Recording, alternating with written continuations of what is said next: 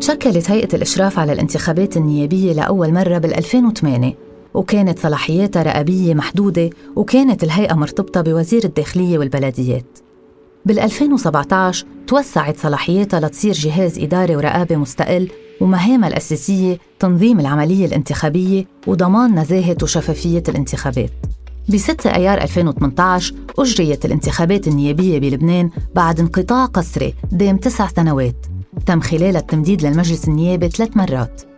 خلال هيدي الانتخابات صار في الكثير من الجدل عن دور هيئة الإشراف على الانتخابات صلاحياتها وقدرتها الفعلية على مكافحة الفساد الانتخابي خصوصاً بعد استقالة سيلفانا اللئيس اللي اتهمت الهيئة بأنها عاجزة عن القيام بدورها. ووقتها كان تعليق رئيس الهيئة القاضي نديم عبد الملك بأنه الهيئة ما عندها سلطة توجيه إنذار للمرشحين السياسيين. وجل ما تستطيع هيئة الإشراف على الانتخابات القيام به هو تسجيل المخالفات وتوثيقها ولما نرجع نحكي عن الانتخابات النيابية ترجع الأسئلة الكتيرة عن صلاحية الهيئة الفعلية واستقلاليتها المادية والسياسية. حكينا قانون بودكاست أسبوعي بتقدمه سيدز. مساحة عامة بتفتح المجال للنقاش بمواضيع قانونية وحقوقية بشكل مبسط. معي أنا لينا جروس بالحلقة 11 موضوعنا هو صلاحية هيئة الإشراف على الانتخابات ودورها بمكافحة الفساد وتعزيز الشفافية بالانتخابات بلبنان مع ضيفتنا زينة الحلو الباحثة والناشطة السياسية. زينة الحلو حكينا قانون زينة بداية خلينا نتعرف أكثر على هيئة الإشراف على الانتخابات. يعني شو هي من مين بتتألف كيف بيتم اختيار أعضائها وشو هي مدة ولايتها؟ هيئة الإشراف على الانتخابات هي انعملت أول مرة بال 2008 يعني بانتخابات 2009 كانت أول مرة عم نعمل انتخابات بوجود هيئة إشراف. وكانت أول مرة انذكرت بالقانون 25 على 2008 ورجعت إذا بدك توسعت صلاحيتها أو أقل هيك بيقولوا يعني. بالقانون 44 على 2000 على 2017 هدفها إنه تكون عم تمارس الإشراف بصورة يعني بالأسباب الموجبة بحسب النص عم بيقولوا إنه هي عم تمارس الإشراف بصورة مستقلة مع وزير الداخلية والبلديات. وزادوا ممثل تتالف من مجموعة من من الوظائف إذا بدك ففيها قاضي إداري وفيها قاضي عدلي وفيها نائب سابق للمحامين وفيها نائب سابق لل... للمحاسبين المحلفين فيها قاضي اللي طبعا كلهم قضاة متقاعدين. وفي شروط معينة لهيدا يعني مده معينة لممارسة هيدا هيدا العمل. كانوا عشرة بال 2009 نضاف آه، ممثل عن هيئة المجتمع المدني طبعا كمان ضمن شروط بالقانون 44 على 2017 بس كل هيدول بيتم اختيارهم من قبل آه، الهيئات اللي هن تابعين لهم بيروحوا بنقوا ثلاث أسماء وبعدين مجلس الوزراء بالتشاور مع وزارة الداخلية بنقوا الأشخاص من ثلاث أشخاص يعني بمعنى آخر تكون عم بشرح بشكل أوضح. لنفترض ممثل عن هيئات المجتمع المدني الهيئات اللي بحق لها تكون عم بتراقب بتندعى لتسمي أشخاص ثلاث أشخاص تتوافق كهيئات مجتمع مدني على ثلاث أشخاص ومجلس الوزراء بيختار منها ثلاث أشخاص آه، شخص لحتى يكون بالهيئة. هلأ بالنص آه، كاتبين إنه يراعى تمثيل الجنسين باختيار المرشحين لعضوية الهيئة. بالممارسة كان في مراعاة ل آه، يعني التمثيل السياسي إذا بدك أو الربط السياسي وبطبيعة الحال التمثيل الطائفي. قد إيه بتبقى هيدي الهيئة؟ يعني قد إيه مده ولايتها؟ وشو هي أبرز التعديلات اللي صارت من وقت تشكيلها لليوم وكيف أثرت هيدي التعديلات على دورها ومهامها؟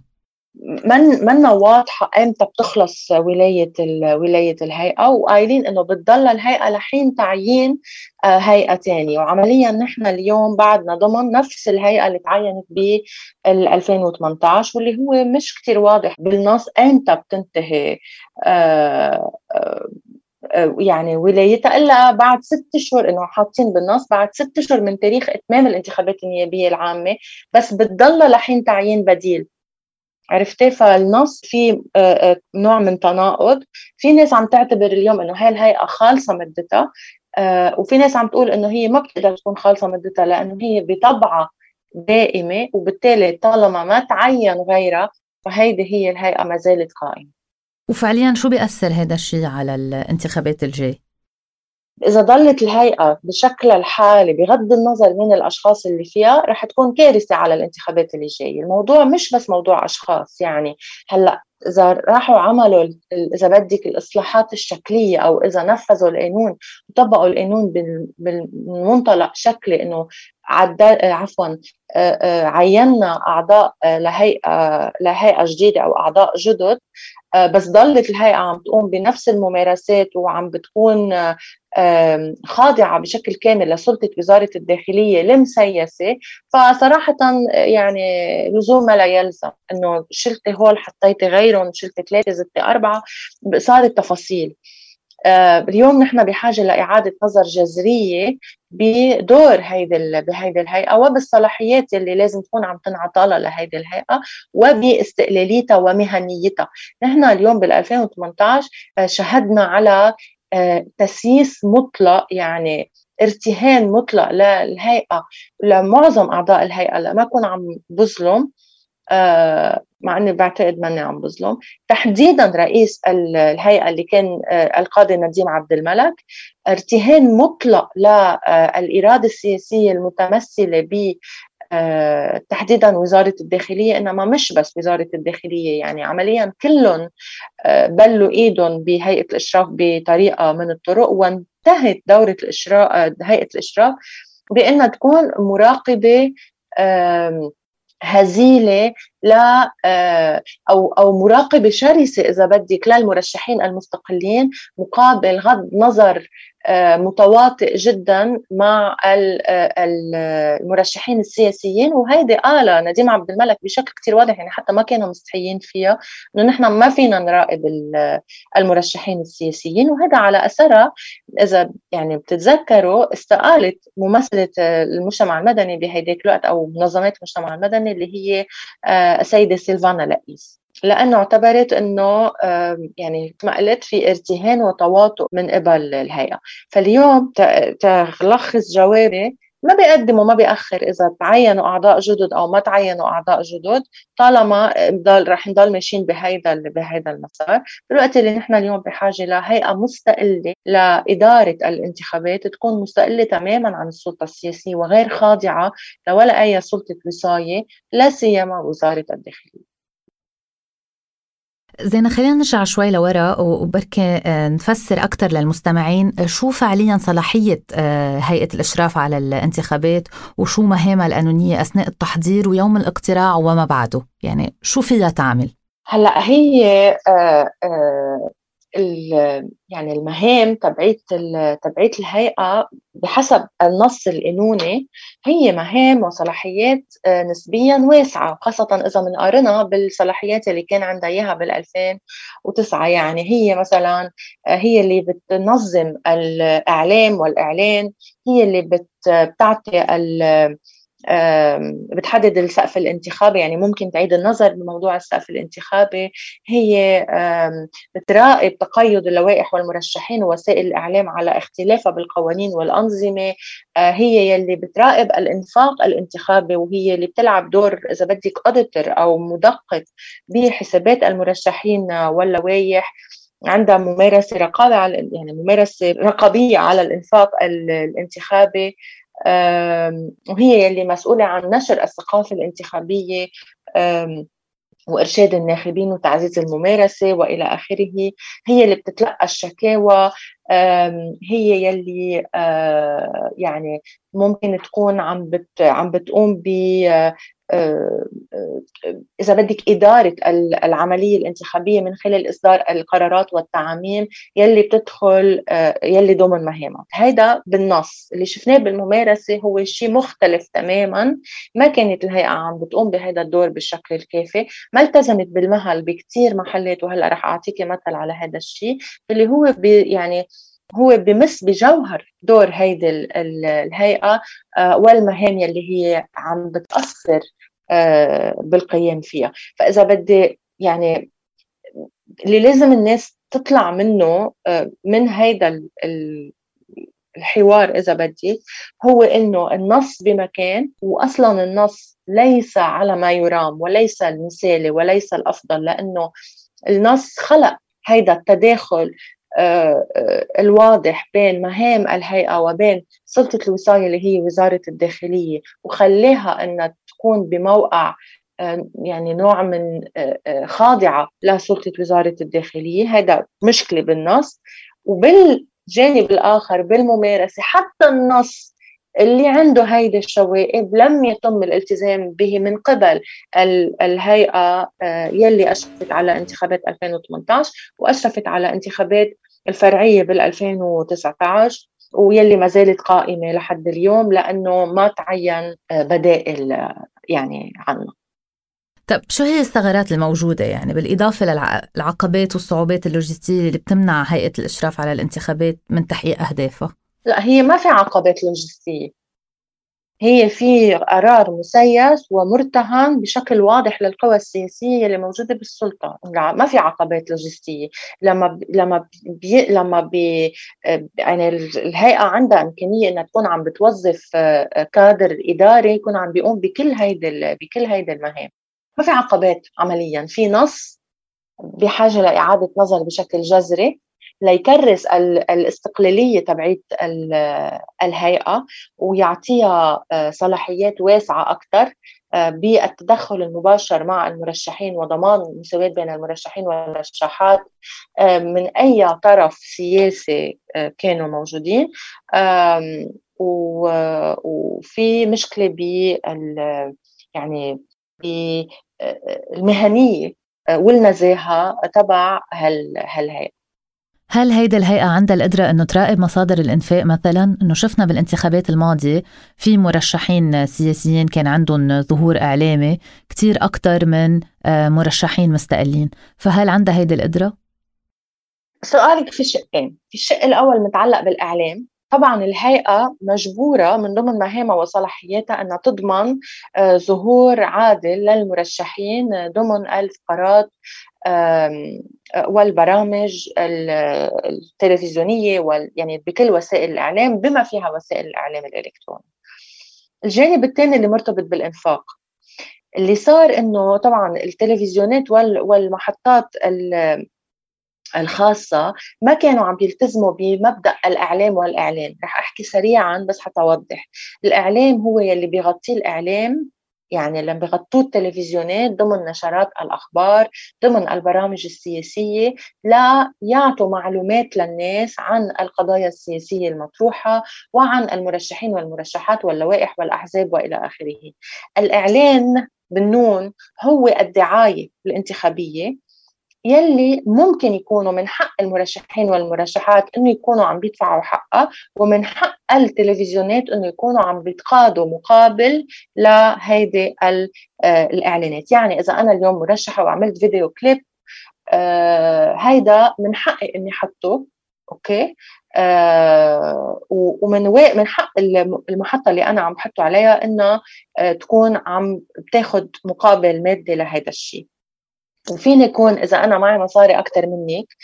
تحت سقف الإنفاق من دون ما أكون تخطيت سقف الإنفاق.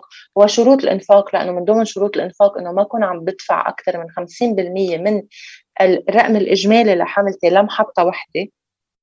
في كذا شرط يعني آه، آه، إذا ما تخطيته فيني أكون عم بحطه أنا هيدا الفيديو كليب إذا معي مصاري أكثر مني آه، لنقول أنت مرشحة ضدي. فيني أكون عم بحطه عشر مرات مقابل مرة لإليك أوكي؟ ولكن هيدا الشيء لازم يكون كتير واضح بكل الاوراق اللي بتقدمهم وسائل الإعلام لهيئة الإشراف قبل بداية الحملة الانتخابية وتكون عم تتقاضى نفس الشيء مني ومنك. مش أنا تحط لي إياه ببلاش وأنت تاخذ منك 10 و20 30 و40 ألف دولار أو حيالله رقم اللي كان. هيدا جانب عم نحكي عن الدعاية والاعلان من ناحية أخرى الاعلان ممنوع يكون مدفوع. يعني أنا ممنوع أدفع وممنوع الإعلام يكون عم بياخد مني مصاري لا يغطي مؤتمر صحفي أنا عم بعمله أو ليطلعني بمقابلة إلا بشرط يكون عم بحط مدفوع. وهذا ما شفناه ولا مرة بكل الحملة الانتخابية بال 2018 علما إنه كنا بنعرف إنه هذا الشيء عم يندفع حقه. يعني اليوم أنا إذا طلعت على شو بعرفني برنامج سياسي ما لازم يكون عم بدفع. ولازم تكون الهيئة عم تضمن إنه أنا وغيري من المرشحين على نفس المقعد عندنا مساواة آه، وعدالة بالظهور.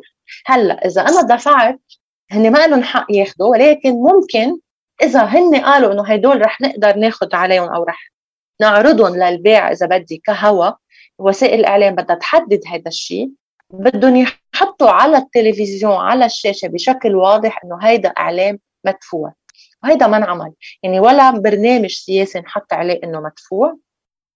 وكانت المحطات عم تعطي أسعار مختلفة بالنسبة للمرشحين. فكأنه في مرشحين بسمنة ومرشحين بزيت. هيدا عدا طبعا الأرقام الخيالية اللي كانت عم تنحط. رح أحكي نقطة صغيرة بس على موضوع الإنفاق الانتخابي. الإنفاق الانتخابي كان جدا عالي تحت سقف القانون. أوكي؟ ف وبرضه في كثير مرشحين تخطوا هذا السقف هي مش بس مشكلة الهيئة. الهيئة بتراقب إنه أنت بحق لك تصرفي مليون دولار أوكي عال كثير منيح صرفتي 900 ألف. المشكل بال 900 بينما أنا صرفت 100 هلأ هيدا طب طبيعي يكون لأنه اثنينات اللي صرف 900 تحت السقف واللي صرف 100 تحت السقف. المشكلة وين؟ المشكلة باللي باللي باللي خلى السقف هالقد عالي أوكي؟ وهيدي مشكلة بحد ذاتها. القانون مش عند بالقانون مش عند الهيئة.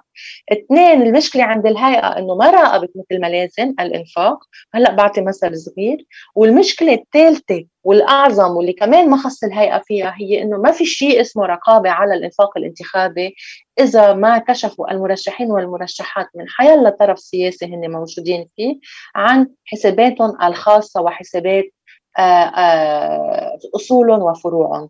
لأنه أنت بتعرفي إنه هذا القانون بيقول أنت بتفتحي حساب للحمله بتفوتي عليه ببين بس هيدا الحمله بس أنا إذا دفعت من حسابي الخاص ما في أي طريقة ينعمل له تراكنج وبالتالي ممكن يكون عم بدفع أشياء آه، ما لي حق أدفعها وممكن يكون عم بتخطى سقف الإنفاق الانتخابي.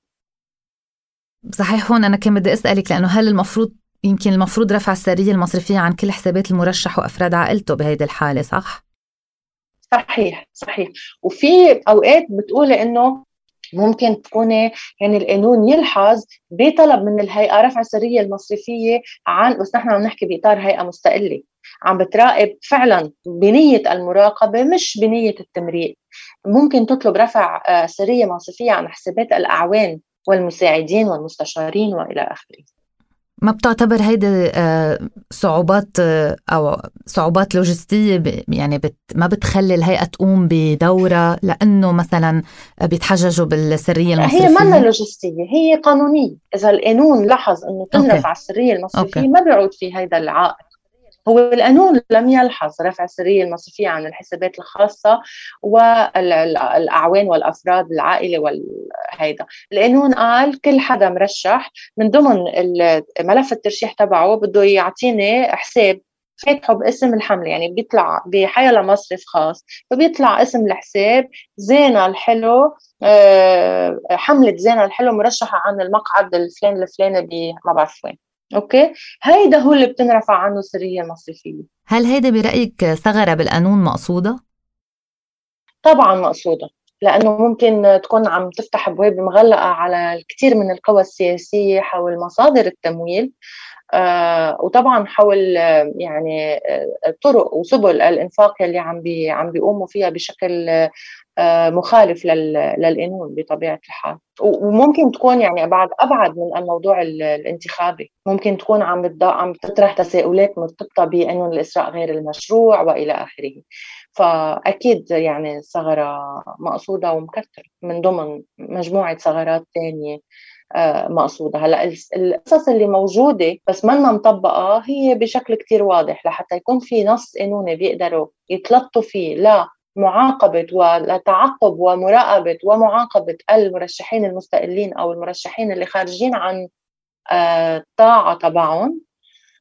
ومن وبس نحن يعني نحن وهن وكل العالم والقضاء والاجهزه الرقابية عارفين إنه هن ما حينطالوا فيها.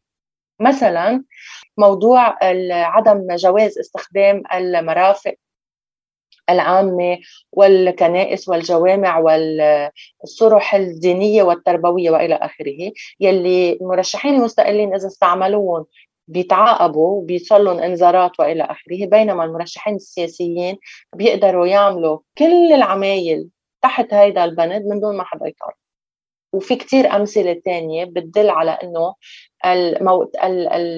المحظورات يلي لاحظها القانون تطبق على ناس وناس طيب زينة يعني واضح أنه الهيئة منا مستقلة سياسيا بس هل هي مستقلة ماديا؟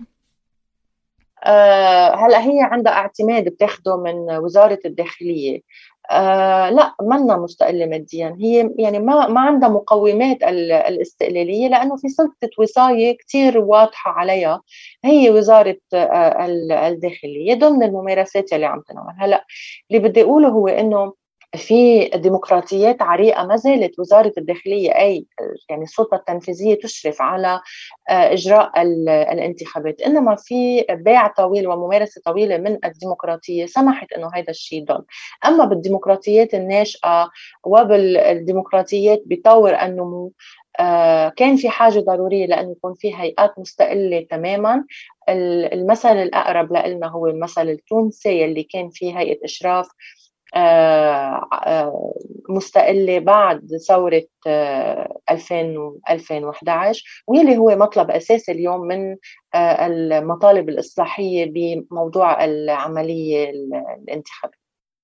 إن كان بالتأسيس يعني بإنشاء الهيئة وإن كان بضمان استقلاليتها المادية ومهنيتها يعني أنا كثير بحب ركز على موضوع المهنية. آه، بإدارة الانتخابات لأنه هذه عملية جدا دقيقة من الناحية التقنية ومن الناحية المالية ومن ناحية المراقبة وبحاجة لناس آه، أولا آه، يعني فهمانين شو عم يعملوا وليش عم يعملوا هذا الشيء وثانيا عندهم قدرة على المواجهة على مواجهة أي تدخل سياسي تحت غطاء المهنية والنزاهة.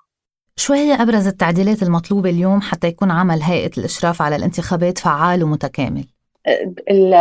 شوفي الاستقلالية بالدرجة الأولى يعني إخراجها كليا عن أي آه، علاقة مباشرة بالسلطة التنفيذية وحتى إذا صار في يعني هيدا لازم نضوي عليه حتى إذا صار في حكومة مستقلة من خارج الطبقة السياسية مع صلاحيات تشريعية استثنائية وإلى آخره ضرورة إنه يكون في هيئة مستقلة آه، بشكل مطلق لإدارة الانتخابات وهيئة يعني عندها مهام واضحة هي آه، يعني أنه تعمل هيدي الانتخابات بأفضل طريقة ممكنة.